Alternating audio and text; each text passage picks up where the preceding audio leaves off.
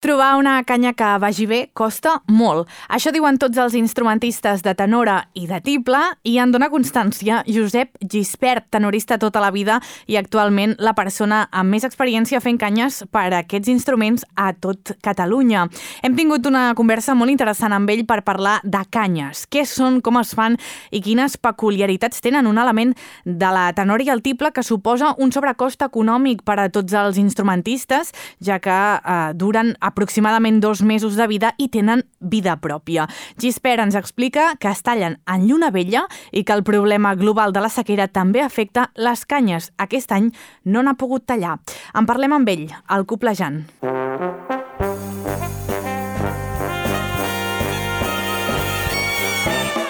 Coplejant.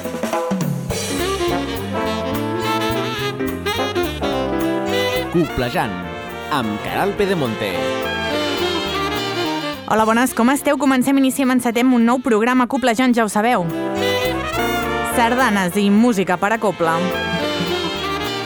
Aquesta setmana parlem amb Josep Gispert, constructor de canyes, que ens explica totes les peculiaritats d'aquest element imprescindible per a tenoristes i tiplaires, una peça clau que els suposa un sobrecost en la seva professió respecte a la resta d'instruments de copla. Aquest és el programa 373 i tenim més titulars. La Copla Mediterrània enregistra un integral pòstum de Jesús Ventura en darreres sardanes no enregistrades de la seva producció que va de 1990 fins al 2019, aquesta segona era.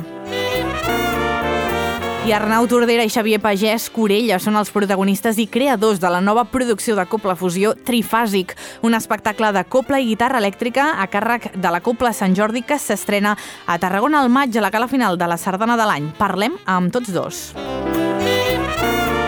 I Pont celebra aquest any el mil·lenari de l'Església de Sant Pere amb una programació comissariada per Ruth Martínez que inclou actes de copla com l'espectacle de Roger Mas i la Copla Sant Jordi o un concert amb la Copla La Principal de Llobregat amb una sardana d'estrena dedicada al mil·lenari de Jordi Molina. També una plec de quatre coples. I aquest abril hi ha eleccions a la Junta de Govern de Som Sardana. Seran el 9 d'abril de 2024 en el marc de l'Assemblea General Extraordinària. El període de presentació de candidatures per dirigir l'ENS està obert fins al 2 d'abril. I Balaguer tindrà un monument a la sardana al centre de la ciutat. S'ubicarà a la plaça de les Sardanes, finançarà amb els fons propis de l'associació Balaguer Capital de la Sardana 2022 i el farà l'artista Gerard Pons. Ara sí comença un programa d'una hora de sardanes i música per a copla. Comença el Coplejant.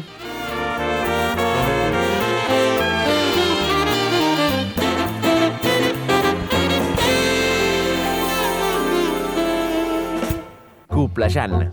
Menció de qualitat als Premis de Ràdio Associació de Catalunya al millor programa de ràdio local. El que ha passat al món immens de la sardana i la copla aquesta setmana passa per Torroella de Montgrí i així us ho expliquem.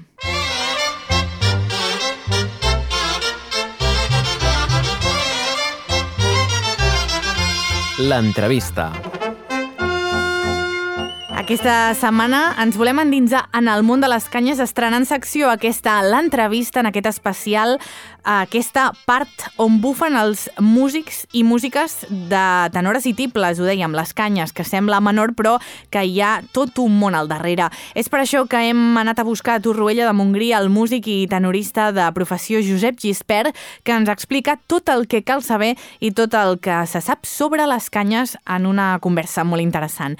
Gispert, que ens ha acollit amb els braços oberts, ens explica primer de tot què és una canya i que és una part de l'instrument que és viu, que s'ha d'anar canviant en períodes aproximats de dos mesos. L'escoltem, Josep Gispert. Una canya és el més petit que hi ha. Hi ha l'instrument i, i després hi ha un tudell que s'hi posa la canya i és a dalt de tot és la canya. És, diguéssim, el que es posa a dintre els llavis, que has de bufar allà i és el que dona el so. La canya vibra i, don, i dona el so.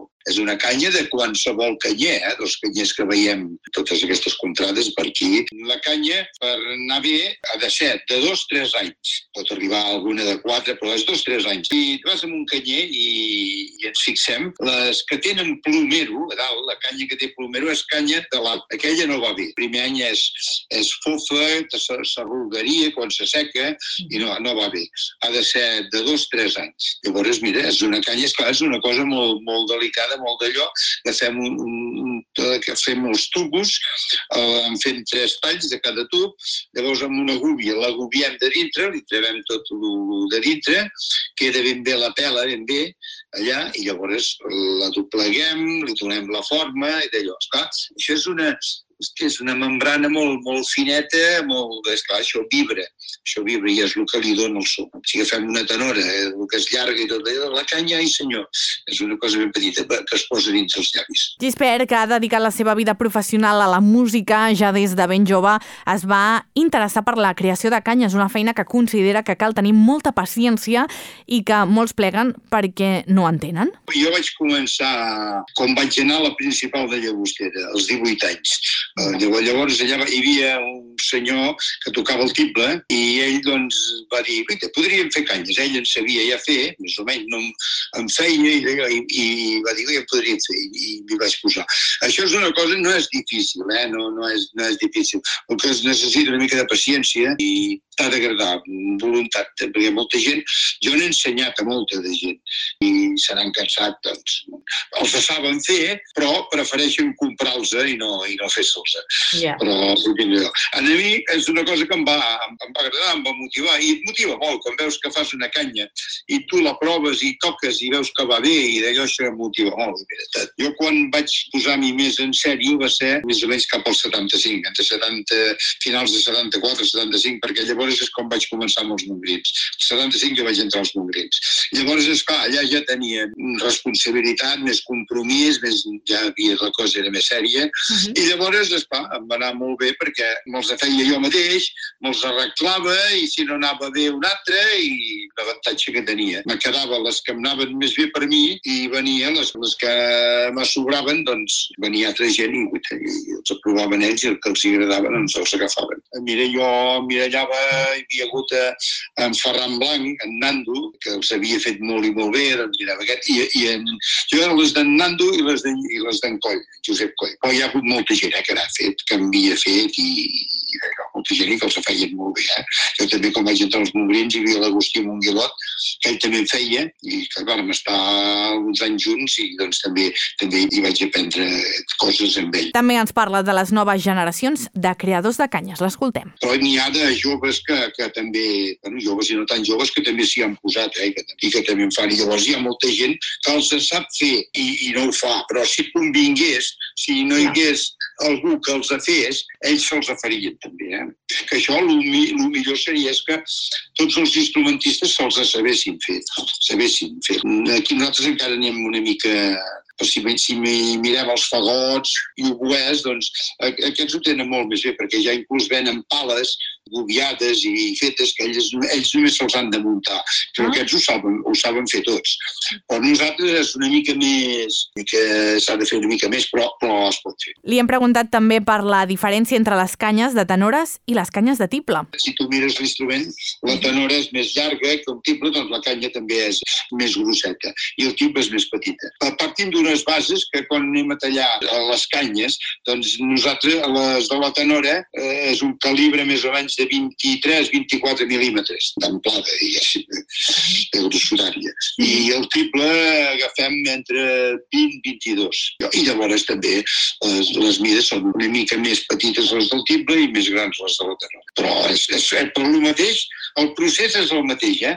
La manera de fer-los a tot és, és el mateix, tant és el triple com la tenor. I preguntat pels tipus de canya, Gispert ens assenyala que depenent del tenorista pot arribar a fer servir diferents canyes en un mateix concert en funció del tipus de sardana. El bo seria que, que amb una canya ho poguessis fer tot, però és, és difícil això, eh?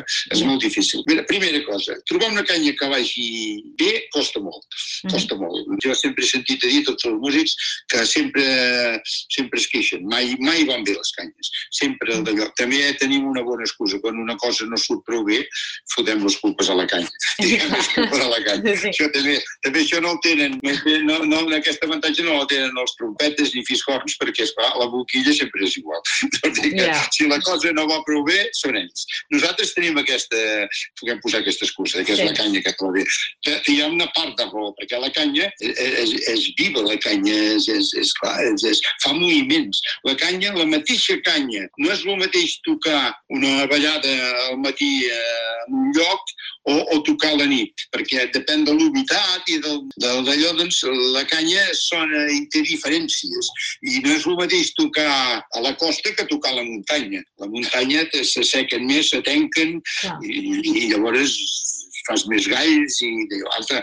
T'hi has d'acostumar, tu. Jo el meu consell és, un, per les obligades, necessites una canya una mica més forteta, no pas massa, eh, tampoc, no pas massa, perquè es fa una canya forta, l'única cosa que fa és que cansa. Yeah. Mm, però una miqueta més que te respongui més per anar en els, a les notes agudes, perquè, esclar, amb les obligades doncs, fas notes aguts, sobreaguts i tot això. Doncs que, que te respongui allà, perquè, esclar, si quan vas a fer l'agut no et surt, fracassarà sempre. Doncs necessites una, una canya ja preparada pels aguts. Llavors, és a la manera, quan te'ls prepares, doncs ja, ja ho has de fer, o els toques més als costats, que, que va més bé pels aguts, i llavors ja també, eh, si agafes una canya per fer cantàbils, eh, no sé, girem els cants del Sant Martí del Canigó, de, de, per fer aquests cantàbils, doncs també necessites una canya que respongui molt bé als atacs. Llavors la canya és qüestió de cada músic se l'ha d'anar preparant per ell, perquè és que no hi ha cap músic que, sigui, que tingui els llavis igual. Jo ho he vist aquí, jo ara fent canyes i que ve gent aquí provant, eh? una canya que amb un no li va gaire bé, amb un altre li va més bé. Però és una cosa molt personal. I llavors, per fer pianos, també he preparat els... Eh... Has de tenir diverses canyes per fer les diferents feines. Que la canya sigui viva vol dir que el clima l'afecta. És millor per la canya una zona d'humitat, la costa, per exemple, que el clima sec de muntanya. I també vol dir que la canya no s'acostuma mai al músic, sinó que és ell o ella qui s'ha d'acostumar a la canya i cal estar pendent que la canya no es tanqui, perquè aleshores és quan surten els galls. Josep Gispert ens explica com es prepara la canya. El que vol fer l'ha de preparar l'ha de preparar. Jo, li puc de, jo els puc deixar que ja estan bastant preparades. I hi ha gent que no se'ls sap arreglar massa, ja me'ls fan deixar una mica més arreglades que, que ells ja puguin tocar-hi ja, ja sense haver de fer gaire, rebaixar-se-la gaire ell i d'allò. Però jo aconsello que és que, que cada un se l'arregli al, al seu gust, a la seva manera, a, a la manera que ell vol que soni. És molt personal tot això. Rebaixar vol dir la, la rasca, ja. Jo, jo deixo la canya, jo ja, jo ja la faig a la mida, diguéssim. Sí. Però llavors, el paper de vidre molt fi, també pots rascar-la una mica. Arribats a aquest punt, li preguntem per la vida de la canya. Una canya pot durar més o menys, depèn, depèn del cuidado que tingui cadascú. Una canya normalment pot durar un mes, dos mesos, de, depèn del que s'hi toqui també. Jo havia tingut canyes preparades que els, els atenia per concerts i, i concerts ja una mica delicats i tot això, que a vegades una canya doncs jo hi havia tocat tot un any. Eh? Clar. Ah, feia, feia puntualment els concerts. I jo, quan tenia canyes que anaven bé aquestes feines duraven bastant. Però una canya que hi facis a tota feina, ballades i tot això, pot durar un parell de mesos, màxim, eh? màxim. Perquè, I tot i així és cuidant-la molt, eh? sobretot és quan acabes de tocar, assecar-la netejar-la i assecar-la. Si la deixes que la canya quedi humida i la tenques a eh, dintre, a dintre el pot del tudell i la tenques a dintre l'estuig de la canora, la canya que encara té humitat, doncs aquella canya durarà quatre dies perquè eh, es, es podrirà, es florirà i, i perd el trem, perquè i, per, i llavors no, no té, no té, perd per la vida la canya. I llavors hi ha gent que s'hi dura molt pocs perquè no hi tenen massa cuidat. El que els cuida bé, déu nhi si un parell de mesos duren bé. Eh? Sí, sí. Llavors, cuidado que no te se trenqui, que no, perquè és, és, un, és un material molt delicat. Aquí sí que tenen una despesa que no té fiscorns i trompetes, Clar. perquè tu amb una boquilla, el trompet amb una boquilla pot fer tota la vida. I és, eh, bueno, és l'inconvenient més gros que té aquest instrument, la tenoria el tible. Que, esclar, quan tu tens una canya ben preparada, que va molt bé, aquella canyeta té una durada, té una durada d'un parell de mesos, o, o bueno, si l'estalvies molt i fas només cosetes puntuals, pot, pot durar mig any.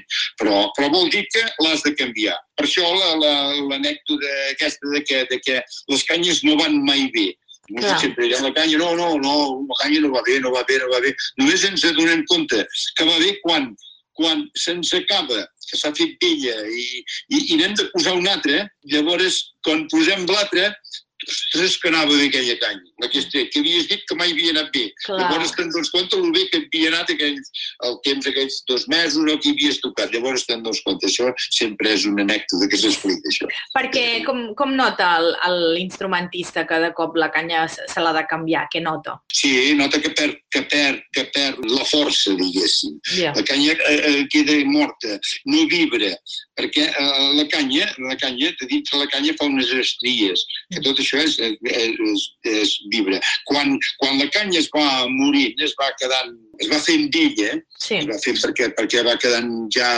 color marron, es podreix, bueno, que queda així, eh, queda com fusta. Clar, si t'agafessis un tall de fusta i la rebaixessis i allò no vibraria com una canya.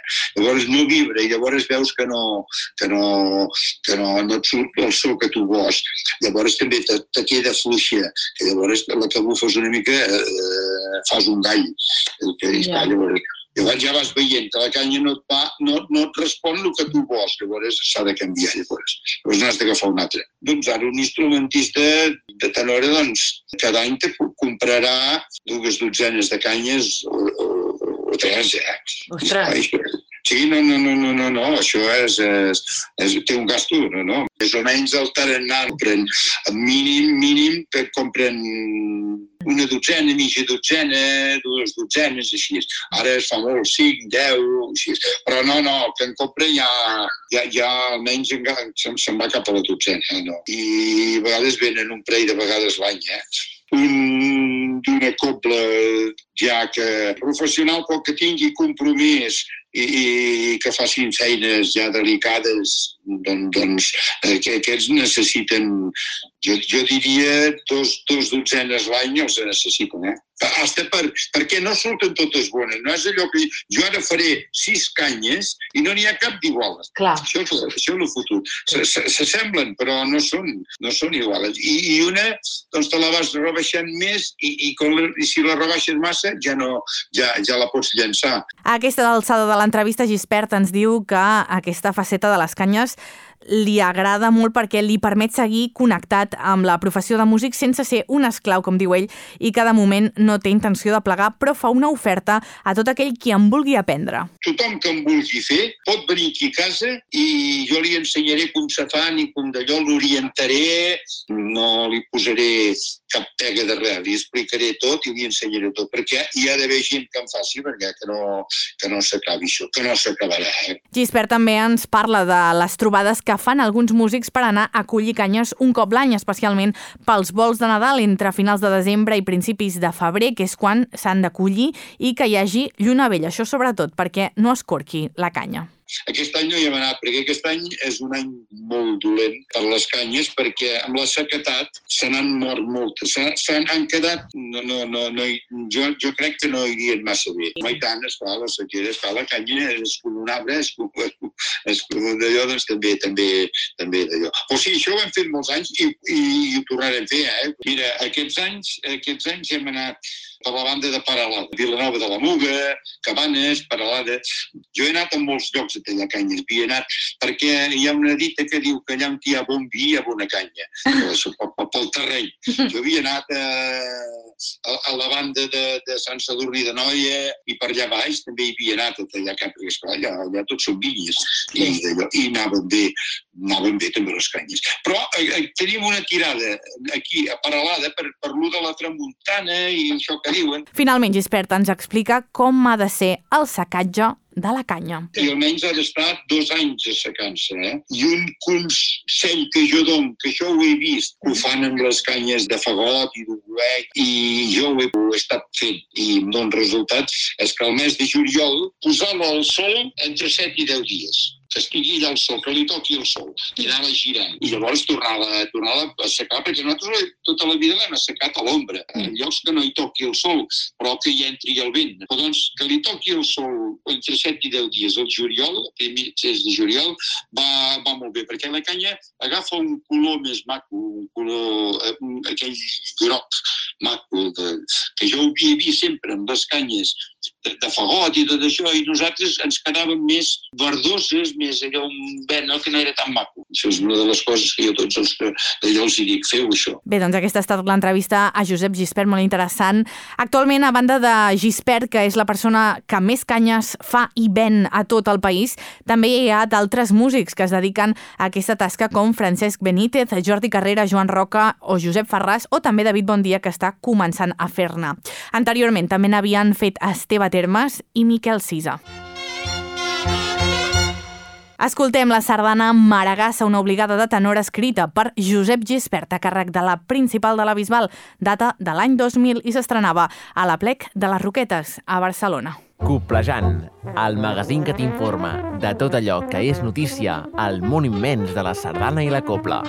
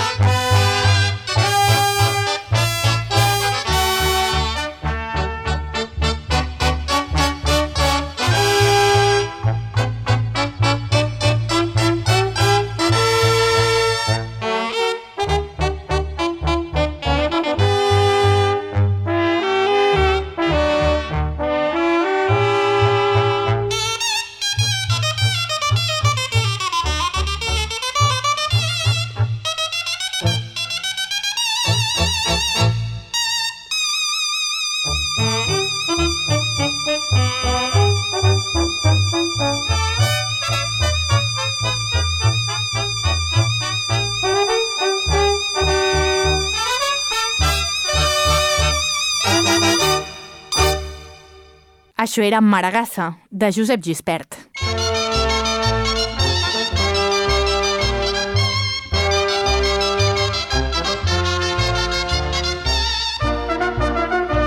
Coplejant.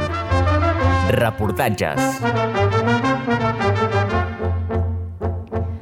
Aquest diumenge a la tarda els Amics de la Sardana de Caçà van celebrar el seu 49è aniversari amb una ballada de sardana seguida de ball d'orquestra a càrrec de la Salvatana al pavelló polivalent. Van oferir galetes i moscatell pels assistents. Caça de la Selva encapçala els actes que repassem del cap de setmana. I a Sant Joan de les Abadesses han celebrat el Carnaval també amb sardanes aquest passat diumenge a la tarda amb la copla La Principal de la Bisbal, que va oferir un repertori de nou sardanes amb autors tan contemporanis com clàssics al pavelló municipal. I aquest diumenge hi havia programa de sardanes a Taradell, també amb la copla Canigó. A Can Costa, la copla va oferir un repertori de nou sardanes amb autors com Anna Bat Puigferrer, Jordi Molina o Xavier Capdevila. I per acabar, aquest dissabte es va poder veure per primera vegada la nova producció de la Copla Ciutat de Girona dedicada a Núria Feliu i amb la col·laboració amb la seva neboda Mireia Feliu a la veu. Aquests arranjaments dels couplets més famosos de Feliu van sonar a l'Auditori Miquel Pont de Castellà del Vallès de la mà d'Esteve Molero, director de la Copla. Algunes de les peces que formen part del repertori són el bolero Giraré el meu camí o el couplet Les caramelles.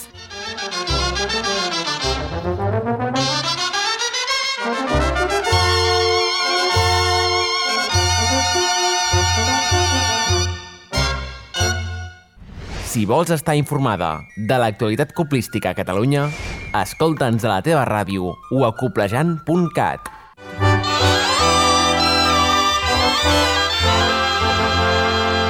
Novetats discogràfiques. Com veieu, anem actualitzant aquestes sintonies que teníem des del 2017. Eh? Li tocava un rentat de cara i les anirem actualitzant totes elles. La Copla Mediterrània enregistra un integral pòstum de Jesús Ventura amb les darreres sardanes no enregistrades de la seva producció que va des de 1990 fins al 2019, la segona era. D'aquesta manera queden enregistrades definitivament les 34 sardanes d'aventura i és que les 12 primeres, que van del 82 al 89, ja estaven enregistrades per la Mediterrània en un primer volum l'any 2009 en un disc titulat Inquietuds. Lluís Alcalà és el representant de la Copla Mediterrània en declaracions al Coplejant. Jo quan vaig entrar a la Copla Mediterrània i amb l'amistat que, que teníem amb en Jesús ja havíem parlat en diverses ocasions de, de poder seguir gravant la seva integral i bé, eh, inclús uns mesos abans de que, de que ens deixés el, el Jesús estàvem ja mirant a veure quines gravaríem i quines eren les següents 12 perquè volia fer un, un segon CD i quan ja vam saber la, la trista notícia doncs jo amb el, amb el Josep Maria Serracant vam quedar que, que ho havíem de fer i aquest cap de setmana hem gravat la resta de sardanes des de que van des de 10 anys que hi som, que és de l'any 90, era la seva sardana número 13, fins a l'última última sardana que va gravar eh, de l'any 2019, que es titula Xàldigues. Així, doncs res, tota la seva obra de sardanes estarà, estarà gravada per, per la Cobla Mediterrània, amb la vinculació que tenia ell i, i que realment doncs, també tenia la intenció de que, de que la Cobla Mediterrània fes aquesta, aquesta integral. No? Serà un doble compacte amb 11 sardanes a cada disc. La previsió és que pugui estrenar a finals del 2024 o a principis del 2025 en un concert al Casino de l'Aliança de del Poble Nou a càrrec de l'agrupació cultural folclòrica que Ventura va presidir en vida.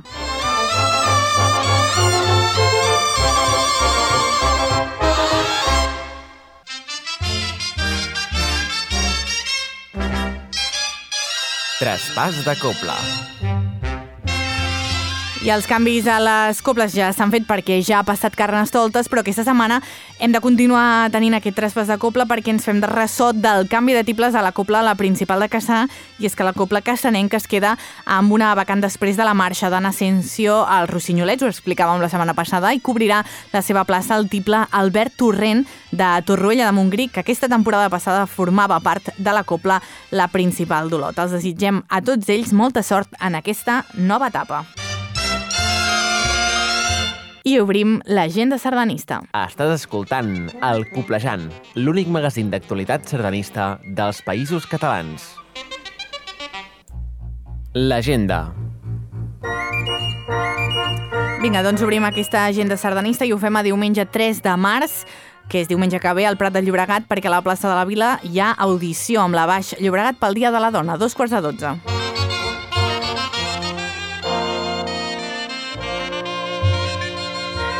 També diumenge a Sabadell i pel mateix motiu el Dia de la Dona a la plaça del Doctor Robert hi ha ballada amb la principal de la Bisbal a dos quarts de dotze.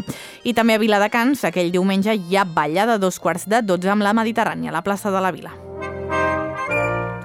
A Sant Feliu de Guíxols, diumenge que ve, també hi ha audició a les 12 amb la principal de Banyoles, a l'espai de la Sardana al Passeig, i també a Santa Coloma de Gramenet hi ha audició a les 12 amb la ciutat de Girona, també pel Dia de la Dona, a la plaça de la Vila.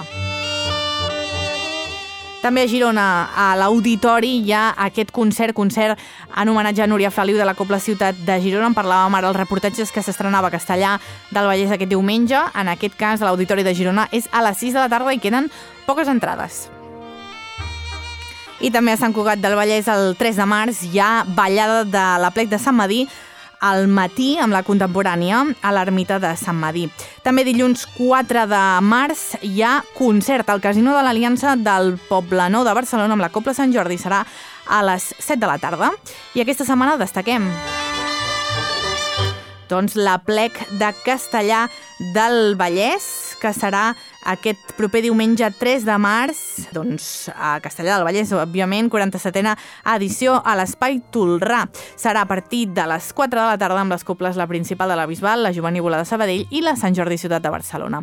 Joan Ventura és el president de l'agrupació Amics de la Sardana de Castellà. Bé, la plec de Castellà, bueno, la gent no se pot perdre, evidentment. Nosaltres el primer diumenge de març, doncs, bueno, en sessió de tarda fem la plec de la Sardana de Castellà, 47è plec, i llavors, doncs, bueno, eh, pensem doncs, que que tenim tres coples boníssimes, la principal, la Bisbal, la Sant Jordi, Ciutat de Barcelona, la Juvenil de Sabadell, i a més tenim l'estrena d'una sardana, que és la sardana que posa per nom Som Sardana, no? Vull dir, veure, és de l'Amadeu Escoda i jo vaig demanar una sardana a l'Amadeu i quan vam tindre, vam tindre la sardana i tal, ostres, el títol què? I després se'm va ocórrer, doncs, bueno, que l'agrupació de sardanista, Amics de Castellà, també som sardana, doncs vaig dir, doncs posem aquest títol.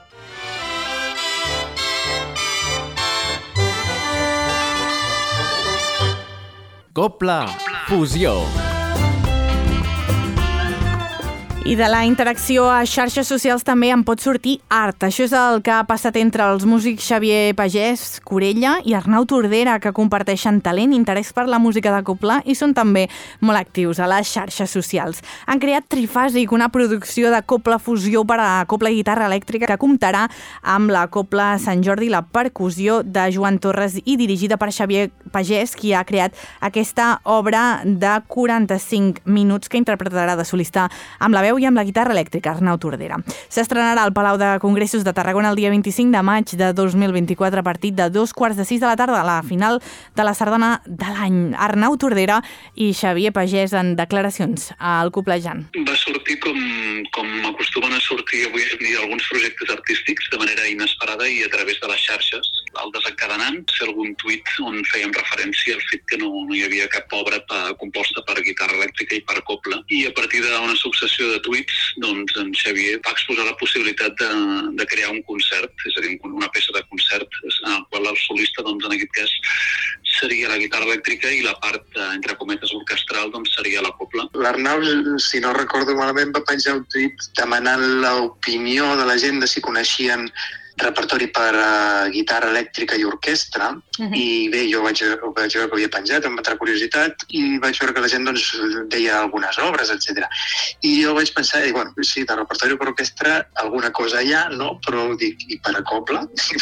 vaig pensar, dic, em sembla que no hi ha res, no? I li vaig dir, i ho vaig posar, dic, dic em veig que hi ha exemples d'obres per orquestra i guitarra elèctrica i tal, dic, però per cobla no s'ha fet res, dic, t'atreviries a tocar-ne una de meva? I, bueno, ell va contestar immediatament i va dir, som-hi, i res, i a partir d'aquí vam posar fil a l'agulla. L'espectacle Concert Trifàsic que s'estructura en tres blocs. El primer és l'estrena de l'obra Concert Trifàsic, que dona nom a l'espectacle, obra per a guitarra elèctrica, copla i timbales, encarregada de Xavier Pagès. Després hi ha també un apartat de sardanes obligades arranjades interpretades per Arnau Tordera amb guitarra elèctrica, acompanyat de la copla Sant Jordi. Aquestes són Ocellets enjugassats, El judici final i Sarroncadora, i una darrera part de la cançó Ens en sortirem d'Arnau Tordera arranjada per a guitarra i copla. Cantada i interpretada per ell mateix, això sí, amb l'acompanyament de la Copla Sant Jordi. L'espectacle agafa el nom de l'obra Concert Trifàsic per la complicitat que hi ha entre l'electricitat de la guitarra, els tres blocs de l'espectacle, les tres cançons de l'Arnau Tordera i els tres moviments de l'obra i les tres sardanes obligades. Els escoltem. En definitiva, després de treballar-hi durant forces mesos, doncs l'obra ja està enllestida. Jo ja l'estic eh, estudiant de manera intensa i serà una una de les tres parts, diguéssim, d'aquest concert trifàsic, també una qüestió triàdica. El concert per copla i per guitarra té tres parts i també el concert trifàsic, que es diu igual que el concert per copla i guitarra, doncs tindrà, tindrà tres parts, una en el qual doncs, interpretaré aquesta obra. És un, una peça de 20 minuts de, de molta consistència musical, que dialoga a través de, de llenguatges contemporanis. Llavors hi ha una altra part del concert en la qual doncs, jo interpretaré la part solista de diverses sardanes obligades i finalment interpretaré també amb la veu alguna peça per veu i per copla. El nom pren com a punt de partida el, el fet que la guitarra és elèctrica, però no només això, sinó que a més jo, curiosament, també, a part de ser músic, doncs jo vaig estudiar enginyeria industrial, elèctrica. I bueno, l'especialitat elèctrica, i clar, em va fer molta gràcia el de, lo de la guitarra elèctrica, l'electricitat, etc i el món d'això de, de l'electricitat de potència, el, la, doncs les fases de, de elèctriques, etc. Llavors ho vam combinar tot, vam intentar anar buscant elements en què agafar-nos, no? Hem fet un concert tripartit, no? En tres fases també, en què primer sentim l'estrena d'aquest concert que té tres moviments, o sigui que el número 3 balla per tot arreu, i després a continuació farem tres sardanes amb, amb la guitarra com a solista, que substituirem els instruments solistes normals de, la, de les sardanes per la guitarra elèctrica, això és com una mena d'adaptació que ha fet el mateix Arnau, i finalment doncs cantarem una, una de les seves cançons, que el dia de la sardana de l'any només serà una, però quan fem el concert que el girarem hi haurà tres més, o sigui que serem tres blocs de tres peces cada una i a sobre el concert també tres moviments.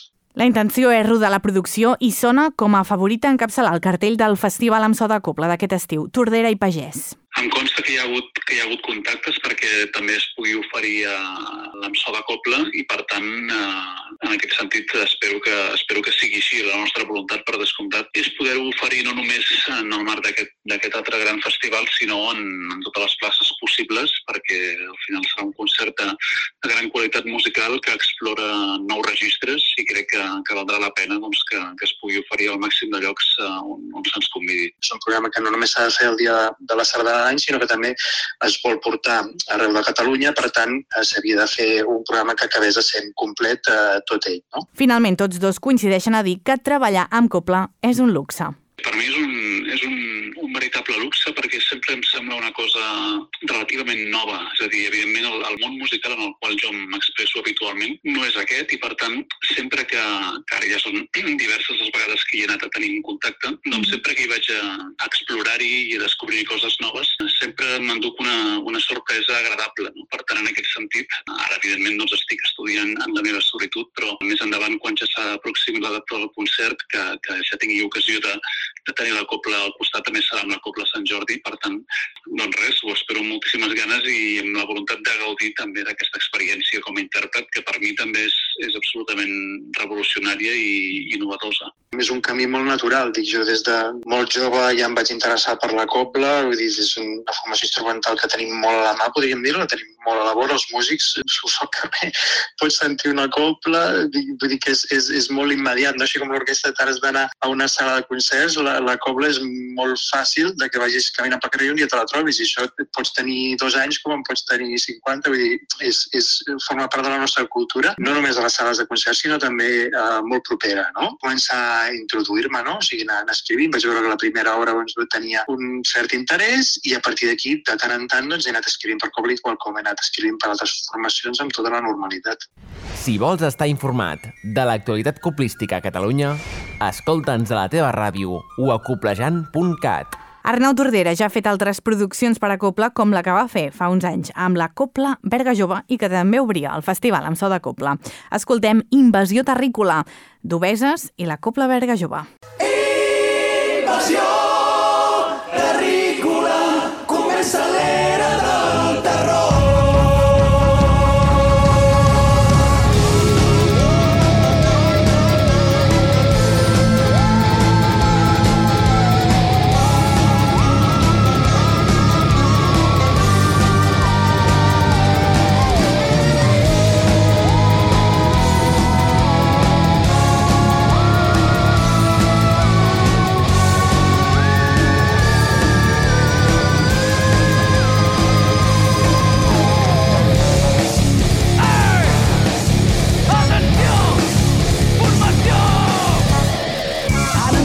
en l'insiu de fer com l'amo i el senyor colonitzant tots els racons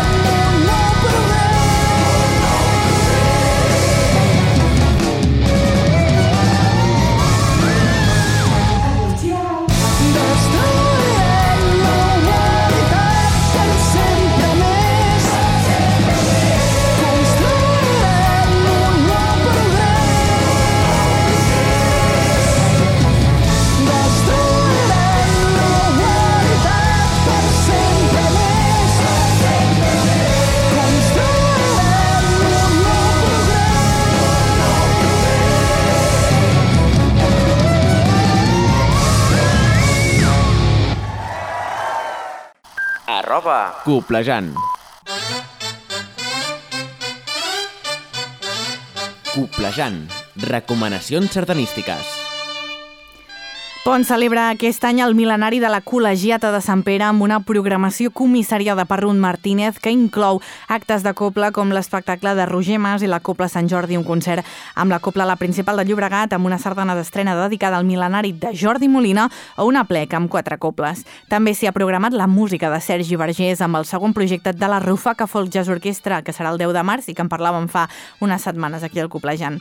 De dissabte 13 d'abril a dos quarts de 10 a l'església tindrà lloc aquest concert amb la Copla La Principal del Llobregat dirigida per Marcel Sabater i presentat per una servidora on s'estrenarà la sardana de Jordi Molina que es torna a interpretar l'endemà en la pleca extraordinari del mil·lenari al Passeig de Pons amb les Coples Tàrrega i Vents de Riella al matí i amb la Jovenívola de Gramunt i la Vell Puig a la tarda. Encara no hi ha data confirmada pel concert de Roger Mas i la Copla Sant Jordi. Tot plegat per celebrar també la feina dels amics de Sant Pere que porten gairebé 50 anys treballant per fer realitat la reconstrucció del monument. Aquesta programació servirà per situar Pons a la comarca de la Noguera al mapa cultural. Tota la programació la trobareu a pons.cat.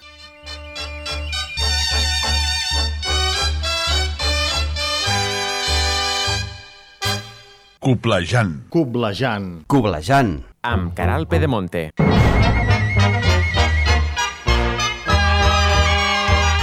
I aquest abril hi ha eleccions a la Junta de Govern de Som Sardana. Seran el 9 d'abril de 2024 en el marc de l'Assemblea General Extraordinària. El període de presentació de candidatures per dirigir l'ENS està obert fins al 2 d'abril. Les candidatures a membres electius han de ser d'un mínim de 7 persones físiques, entre les quals hi ha haurà d'haver obligatòriament els càrrecs de president, vicepresident, secretari i tresorer.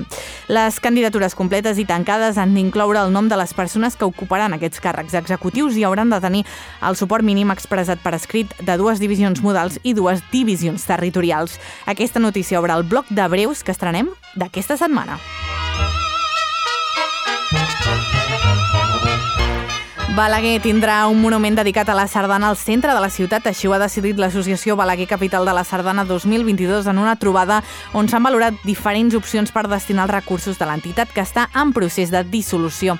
Està previst que el monument s'ubiqui al centre de la plaça de la Sardana, al costat sud, al damunt de dues figures cilíndriques conegudes popularment com les aspirines. I l'encàrrec se li ha fet a Gerard Pons, un artista serraller de Vilanova de Bellpuig que ja té experiència amb aquest tipus d'actuacions i qui havia estat membre de la colla Sol i Xeni de la Copla Tres Turons i en l'actualitat el seu pare, Xavier Pons, resideix a Balaguer i és destacat dinamitzador sardanista. De moment encara no hi ha data per a la inauguració del monument que està previst que es faci durant els propers mesos. I la sardana unitària que ha escollit Som Sardana pel Dia Universal de la Sardana diumenge 16 de juny serà Jorn Alegre de Josep Serra en motiu dels seus 150 anys del naixement. Aquesta sardana es va estrenar fa 95 anys, l'any 1929.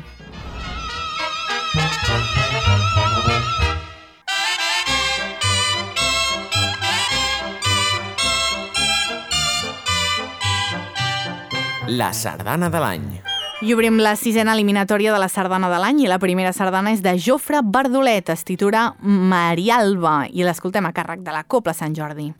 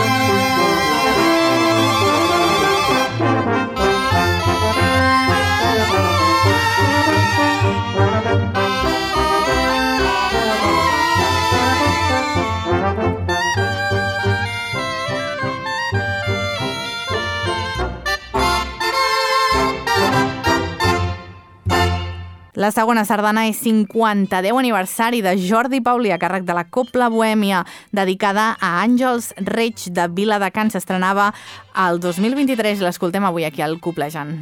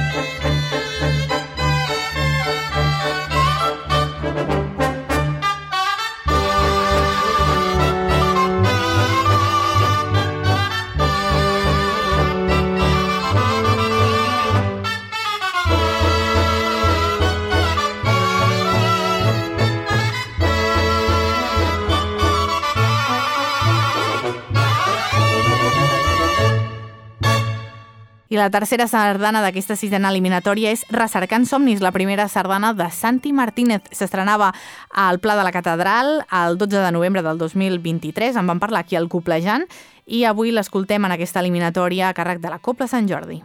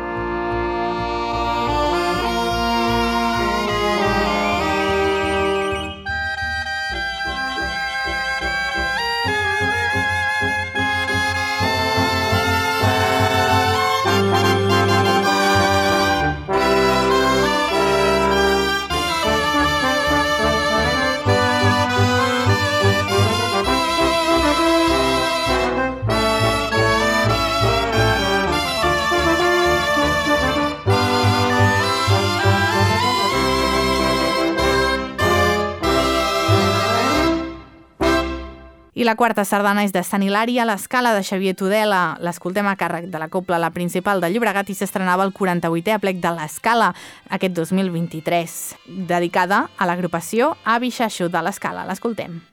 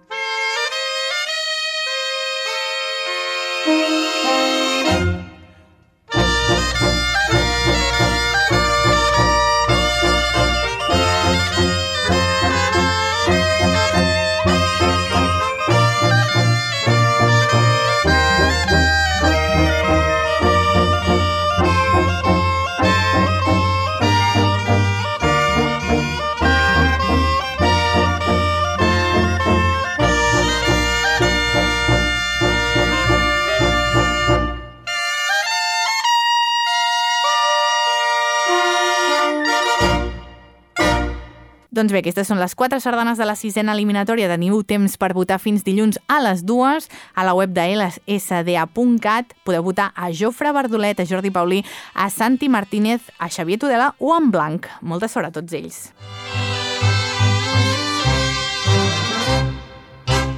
Coblejant. Coblejant. Coblejant. Amb Caral Pedemonte. Bé, nosaltres tanquem edició amb la sardana unitària, del Dia Universal de la Sardana, que hem conegut aquesta setmana Jorna Alegre de Josep Serra en motiu dels seus 150 anys del naixement i sona així, a càrrec de la principal de la Bisbal. És de 1929, per cert, aquesta sardana. Nosaltres acabem per avui. Recordeu que ens podeu trobar a les nostres xarxes socials. Som a Facebook, Instagram, Twitter, TikTok. Tenim també threads i també tenim canal a Telegram i a YouTube. I també ens podeu escoltar a coplejant.cat a les plataformes digitals i a una de les més de 70 ràdios que ens emeten arreu dels països catalans. També ens podeu escriure a correu arroba coplejant.cat. Res més, això és tot. Tornem la setmana que ve al mateix lloc i a la mateixa hora per explicar-vos tot el que és notícia al món immens de la sardana i la copla. Coplegeu força!